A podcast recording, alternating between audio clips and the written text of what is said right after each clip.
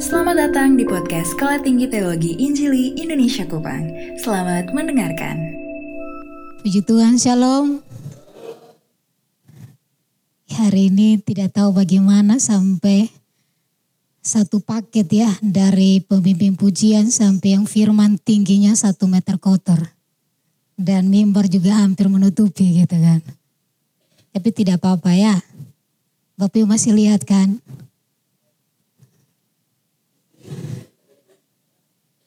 Iya. Puji Tuhan hari ini saya hanya mengingatkan, saya percaya bahwa ayat ini sudah menjadi ayat hafalan bagi kita semua tentang Matius 28 ayat 1 dan eh, ayat 2 ayat 19 sampai ayat 20. Tadi kita sudah baca, saya bacakan lagi bagi kita semua. Atau mungkin ada yang sudah hafal dengan menutup Alkitabnya dan mari ucapkan sama-sama. Saya lihat semua masih tunduk berarti kita belum hafal ya. Oke ayat yang ke-19 dan 20 dengan suara bersuara kita sama-sama ucapkan ayat ini sekali lagi. Satu, dua, tiga. Karena itu pergilah, jadikanlah semua bangsa muridku dan baptislah mereka dalam nama Bapa dan Anak dan Roh Kudus dan ajarlah mereka melakukan segala sesuatu yang telah kuperintahkan kepadamu. Dan ketahuilah, aku menyertai kamu senantiasa sampai kepada akhir zaman. Ini kalau kita bicara atau dengar ayat ini kita selalu berpikiran penginjilan, bersaksi. Dan memang itu yang hari ini saya hanya mengingatkan kita jangan sampai kita melupakan tujuan yang sudah Tuhan berikan ini atau tugas yang sudah Tuhan berikan bagi saya dan saudara bahwa ternyata saya dan saudara adalah seorang murid. Yang namanya murid harus menjadikan orang lain menjadi mu, murid. Di situ ayat 19 mengatakan apa? Karena itu pergilah jadikanlah semua bang semua bangsa muridku. Kalau saya lihat di terjemahan lebih mengarah ke yang menjadikan murid atau membuat murid. Saya pakai istilah di sini. Mungkin bantuan dari situ kak. Membuat murid. Kalau bahasa uh, bahasa tua bata namanya membuat murid. Itu semua kata kerja ada empat kata dan hanya satu yang memiliki kata kerja imperatif, yang lain partisip. Nah, artinya bahwa penekanan di sini adalah kita menjadikanmu murid. Saya dan saudara adalah murid Tuhan dan tugas pokok kita adalah menjadikan orang lain menjadimu murid. Tugas ini sudah hampir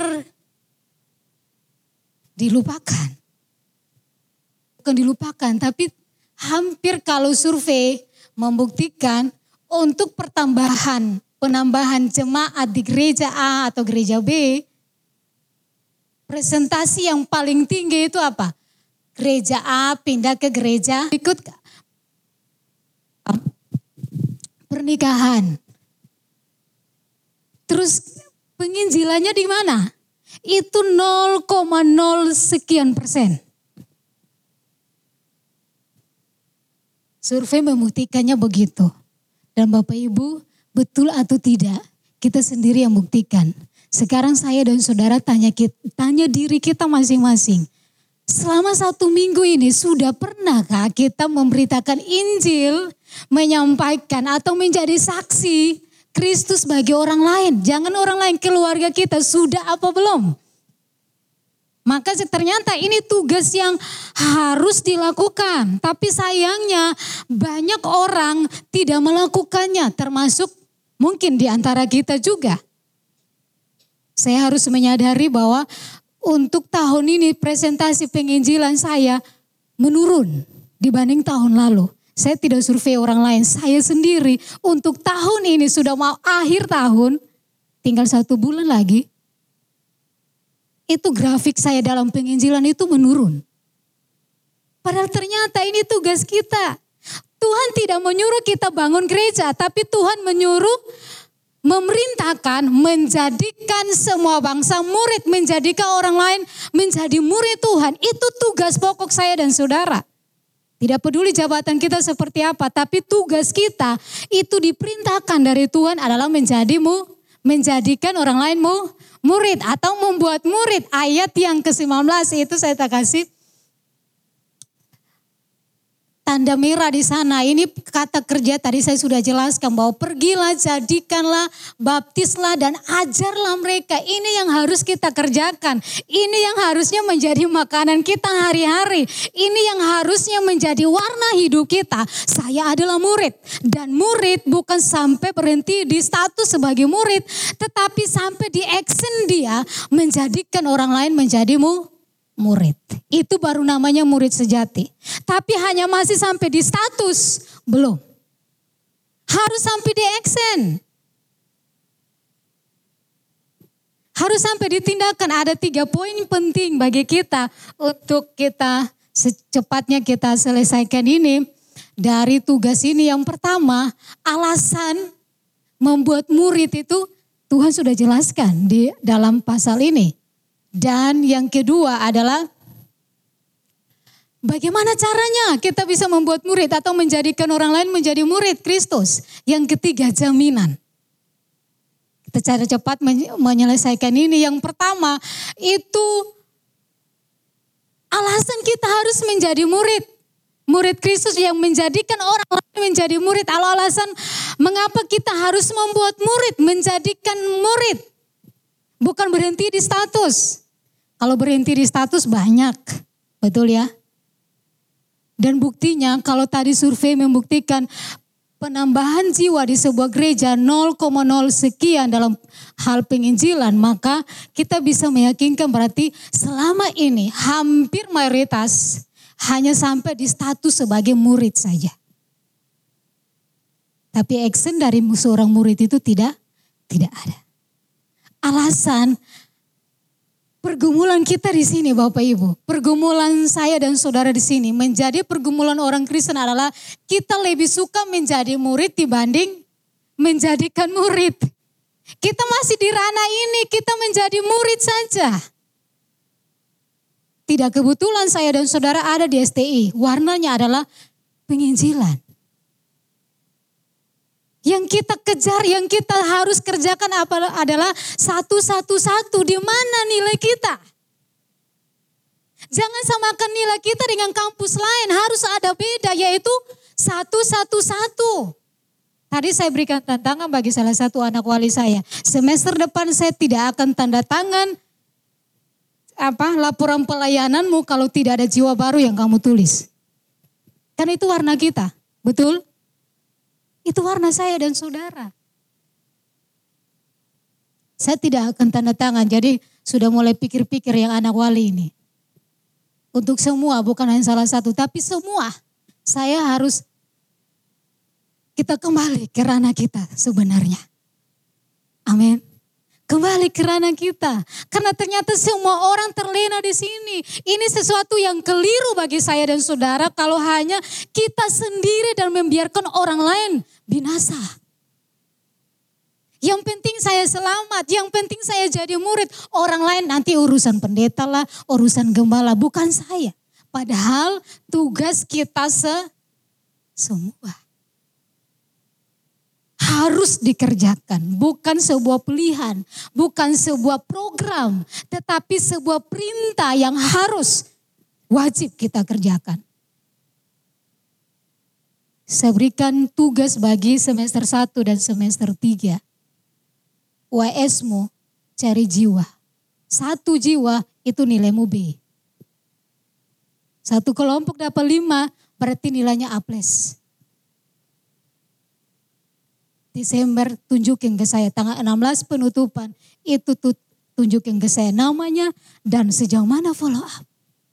Kalau kita tidak bergerak di sini, ini selama lama kelamaan kayak kemarin Ibu Nili menyampaikan, nanti yang berjubah itu tambah banyak. Ini siaran langsung tidak ya? Yang berjubah itu tambah banyak di sekitar kita. Kalau kita hanya puas dengan status saya orang Kristen. Puas dengan status saya anak teologi. Tapi tidak pernah menjadikan orang lain murid. Buat apa itu status? Buang saja. Ini tugas saya dan saudara. Bukan tugas orang lain. Tapi tugas kita ini lumbung murid Kristus. Tapi sudahkah kita mewarnai sekitar kita? Semester satu kemarin saya kasih tugas ternyata mereka ke kebun dapat satu jiwa. Di sebelahnya kita, selama ini anak asrama kalian ngapain? Harus orang lain yang menginjil. Kita lep, kita buang kesempatan ini atau buang biarkan saja orang lain binasa yang penting saya dapat gelar keluar dari sini. Amin selesai. Bukan itu. Tugas saya dan saudara adalah menjadikan murid atau membuatmu murid. Alasannya kita lihat. Ini pergumulan saya dan saudara. Kita sendiri yang koreksi diri. Apakah saya sudah sampai di ranah sini? Kalau belum, minta Tuhan mampukan saya dan saudara. Saya tertantang. Saya bilang, tadi malam saya merenungkan, oh iya ya, ini sudah akhir tahun. Sudah berapa jiwa yang saya bawa ke Kristus. Ternyata grafiknya turun sekali. Tidak sampai 10 orang pun juga saya sampaikan. Dibanding tahun lalu. Sebuah penurunan yang bagi saya, saya renungkan Tuhan ampuni saya. Karena tugas pokok yang Tuhan perintahkan untuk semua orang yang sudah diselamatkan. Ternyata saya salah satunya tidak melakukan dengan baik. Alasan kenapa? Kita harus menjadikan atau membuat murid. Perhatikan di ayat 18, di situ mengatakan begini, kata Yesus mendekati mereka dan berkata, kepadaku telah diberikan segala kuasa di surga dan di bumi. Alasan mengapa kita harus membuat murid, ini salah satu kalau kita lihat konteks di ayat yang ke-18 di situ ternyata Tuhan mendapatkan ke sebelas murid ini ada yang menyembah, ada yang ragu. Maka Tuhan dengan inisiatif mendekati mereka dan mengatakan begini, lu harus percaya kepada saya. Karena saya ini ada kuasa yang berotoritas atas bumi dan su surga. Gak perlu ragu kalau kamu menyembah itu merupakan respon dari Anda percaya saya. Hari itu yang dijelaskan kepada murid-murid yang masih ragu. Ada yang menyembah, ada yang ragu. Nih saya kasih gambar tadi malam saya cari gambar ini gambar yang pas yang mana ya. Ada ada berapa yang berlutut menyembah, ada berapa yang berdiri. Jadi saya punya tafsiran kayaknya yang menyembah ini benar-benar meresponi apa yang dikatakan Tuhan. Mereka mempercayai betul tentang Tuhan. Yang berdiri-berdiri ini mungkin mereka sedang mempertanyakan, meragukan. Ayat 17 bilang begitu.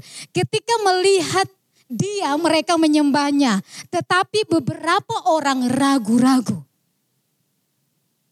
Jadi ayat yang ke-19 itu merupakan, ayat 18 ini merupakan respon dari Tuhan kepada tindakan ke-11 murid ini yang masih ragu, ada yang masih ragu.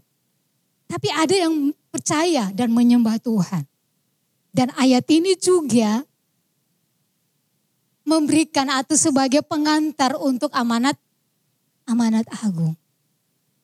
Dia yang berotoritas. Dan dia yang memerintahkan. Ayat 18, maka ayat 19 bilang apa? Karena itu. Karena itu, karena apa? Karena Allah, karena Kristus yang berotoritas memberitakan perintah yang harus dikerjakan oleh murid murid-murid.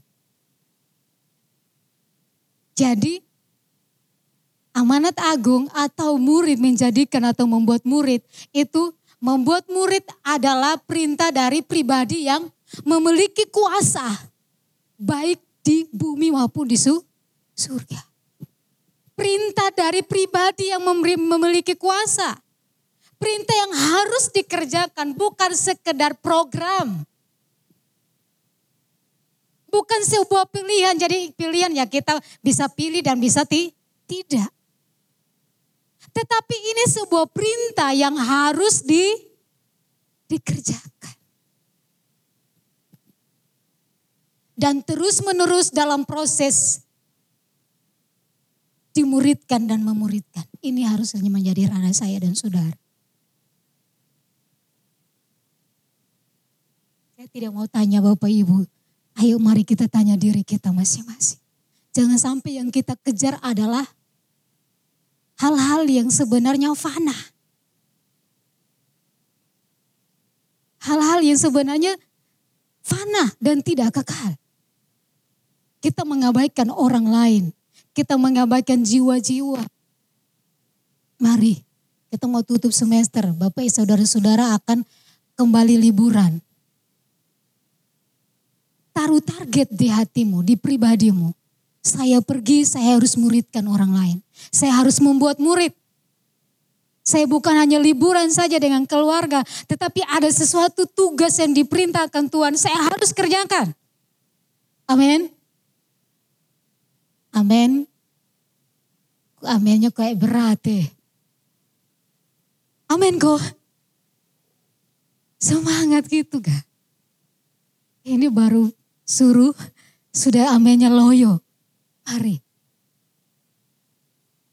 Kita harus membuatmu murid. Saya cepat saja. Yang kedua, bagaimana caranya? Gimana caranya? Tuhan yang perintahkan. Itu Tuhan yang luar biasa. Jadi ketika dia keluarkan perintah, dia bukan sekedar mengeluarkan perintah begitu saja. Tetapi perintah disertai dengan caranya gimana. Terus ada jaminan. Perhatikan ini pergi jadikanlah semua bangsa muridku. Ini sebuah pekerjaan yang bukan ringan bagi rasul-rasul, bagi murid-murid pada waktu itu. Sebelas murid dan mereka harus kerjakan. Jadikan semua bangsa muridku. Bukan pekerjaan ringan. Belum mereka menghadapi tuduhan-tuduhan orang-orang sekitarnya mengatakan bahwa mereka mencuri mayat Kristus pada waktu itu. Dan ini sudah disuruh kamu pergi. Jadikan semua bangsamu murid. Jangan kecil hati karena ada caranya. Gimana caranya? Ternyata cara yang tadi saya mengatakan bahwa penekanan di ayat 19 dan 20 itu di menjadikanmu murid. Pergilah, ajarlah, baptislah, itu merupakan respon dari menjadikanmu murid. Nih, kita pergi. Mau menjadikan murid bukan berarti kita hanya tunggu saja, tidak. Tapi per, pergi. Aktif, bukan menunggu kesempatan, tidak. Tapi kita aktif. Bukan sistem menunggu bola, no. Tapi Tuhan menyuruh pergi. Kita action, kita harus berjuang untuk itu. Pergi Bapak Ibu. Bapak Ibu tugasnya salah contoh. Weekend ini saya mau mancing. Maka yang Pertama harus saya lakukan apa? Persiapan. Terus setelah persiapan, pergi ke kolam mancing. Kalau hanya di rumah, itu namanya menghayal. Tapi harus persiapan, setelah persiapan kita pergi. Itu baru namanya kita memancing. Mau dapat ikan, kita bayangkan ikan apa ya enaknya? Mujair yang gemuk, kalau mujair yang kurus-kurus nah enak. Ikan apa ya? Patin. Enak tuh. Apalagi sambal, hmm, itu so. Kalau kita tidak pergi ke kolam untuk mancing, itu namanya hanya haya, hayalan. Tapi harus kita pergi, betul? Harus pergi. Nah ini jadikanlah semua murid, jadikanlah semua bangsa muridku. Itu kita pertama kita harus pergi. Sudah dengar perintah. Ayo kita lakukan. Pergi. Pergilah aktif ya kita kerja. Bukan menunggu bola yang bukan menunggu. Aduh semoga dia datang kok kita beritakan Injil. Tidak. Kita harus pergi. Di mana? Di pangkalan ojek. Anda tunggu bemo di sana. Gunakan kesempatan lima menit kan selesai. Nanti datang lagi bisa lanjut kalau orangnya ada. Tapi paling tidak lima menit itu kita gunakan. Terus di mana lagi? dalam perjalanan di bemo, perjalanan ke weekend di bis. Mulut kita ada, betul? Ayo aktif. Bicara.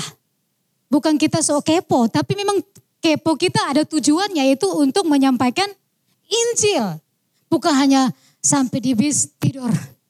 Selesai pas bangun sudah sampai. Betul kau? Yang ketawa-ketawa ini kayaknya sudah pengalaman ya. Sekarang itu dirubah. Karena target kita membuatmu murid, bukan mendirikan gereja. Bukan mendirikan sinode. Yang kedua apa? Bagaimana caranya? Baptislah dan ajarlah. Ini yang harus ada bagi saya dan saudara. Caranya sudah jelas. Nah ajarlah ini Bapak Ibu.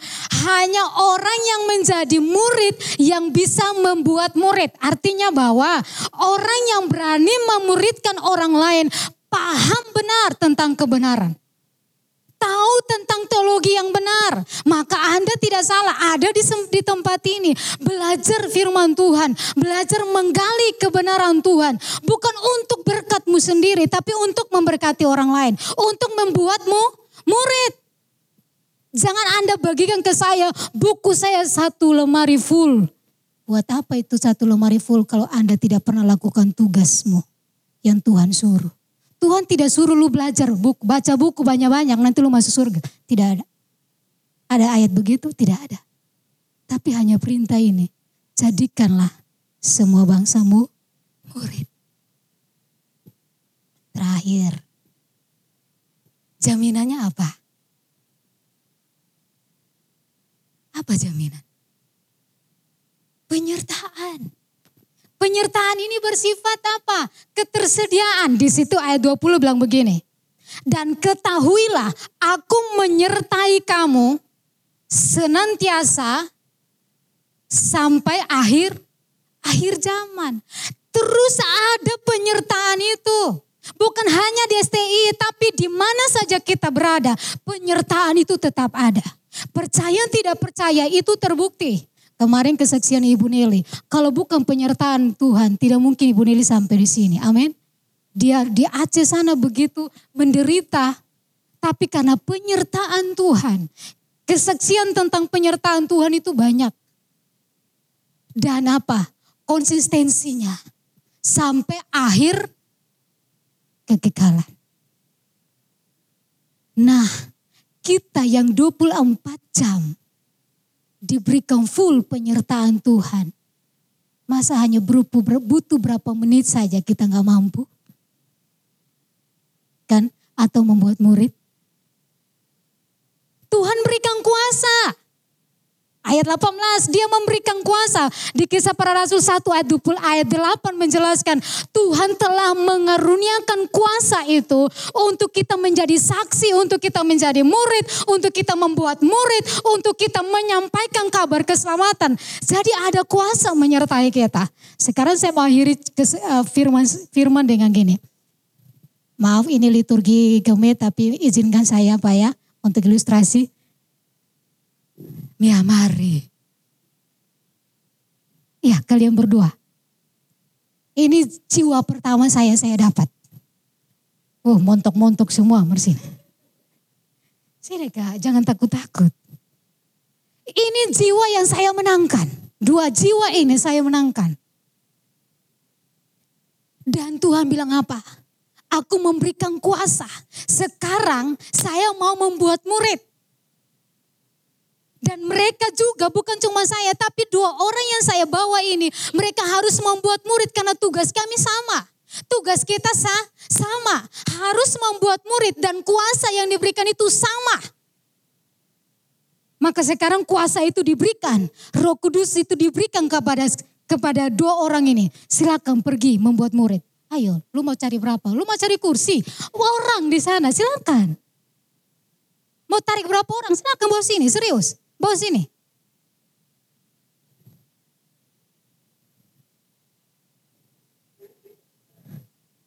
Yang tidak mau lupa lungku Jo. Coba.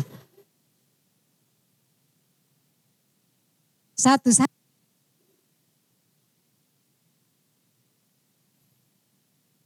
Pergi mencari jiwa, menjadikanmu murid atau membuat murid.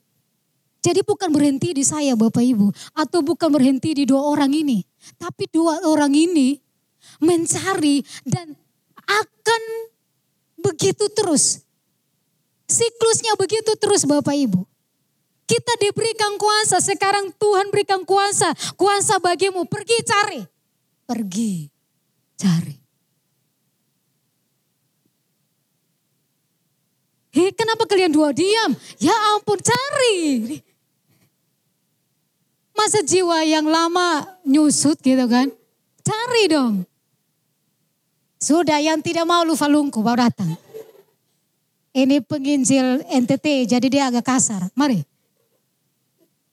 Apalagi tua bata tuh yang dilihat hanya kayu besar ya kasar lah. Silakan.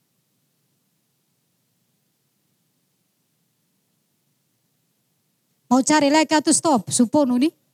Sudah. Supaya satu pos PI itu. Bapak ibu kita bercanda. Coba dari satu orang mendapat dua orang. Dari dua orang menjadi empat. Dari empat menjadi sekian banyak. Di mana tugas kita? Bayangkan Bapak Ibu satu semester. Ini satu semester. Semester sekarang berapa ya? Berapa orang? Beres sendiri tidak tahu berapa temannya ya. 20, 26 orang. Satu semester hanya dapat satu jiwa. 26 tambah 26 berapa? 52. Amin. Tugas kita itu Bapak Ibu, Saudara. Buat apa lu penuhi kampus STI kalau tugas pokok kita, kita tidak kerjakan. Mau hanya dapat IP. Kampus lain juga kasih. Tapi warna kita di mana? Kampus lain juga bisa kasih kita wisuda. Tapi warna kita berbeda. Ketika saya baca satu-satu-satu itu tertantang. Maka tahun lalu saya mulai ekspos ini. Ayo saya harus beranikan diri untuk bersaksi bagi orang lain. Sekarang tahun ini menurun. Bapak Ibu, Saudara. Kalau seperti ini Bapak Ibu, saya yakin setiap tahun kita tidak akan kekurangan mahasiswa masuk ke sini. Karena dengan kita punya cara seperti seperti ini. Tugas pokok saya dan saudara di gereja pun juga hal yang sama. Kenapa gereja mulai redup? Karena penginjilan diabaikan, di nomor sekian kan kalau perlu tidak masuk dalam program gereja. Maka tidak heran mulai penurunan. Gedung mewah, tapi di dalamnya opa-opa, oma-oma yang sudah mau mau ke kuburan. Anak-anak yang lain di mana? Berani menjadikan murid? Berani? Tuhan berkati. Bicara jauh. Jangan bawa ke sini, cari bawa ke Tuhan. Jangan.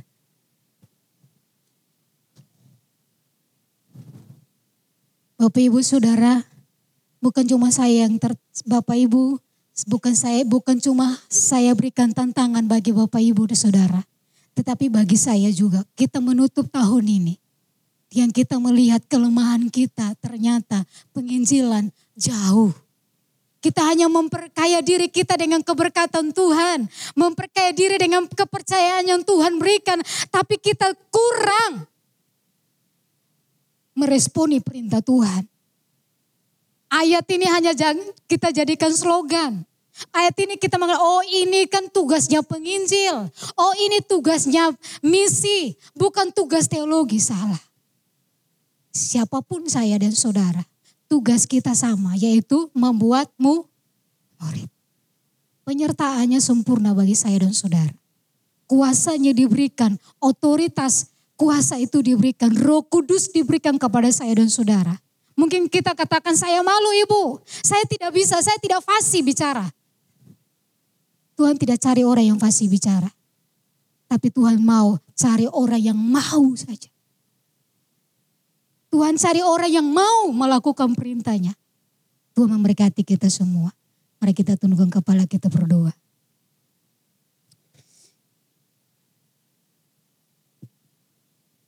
Bapak kami sangat bersyukur hari ini.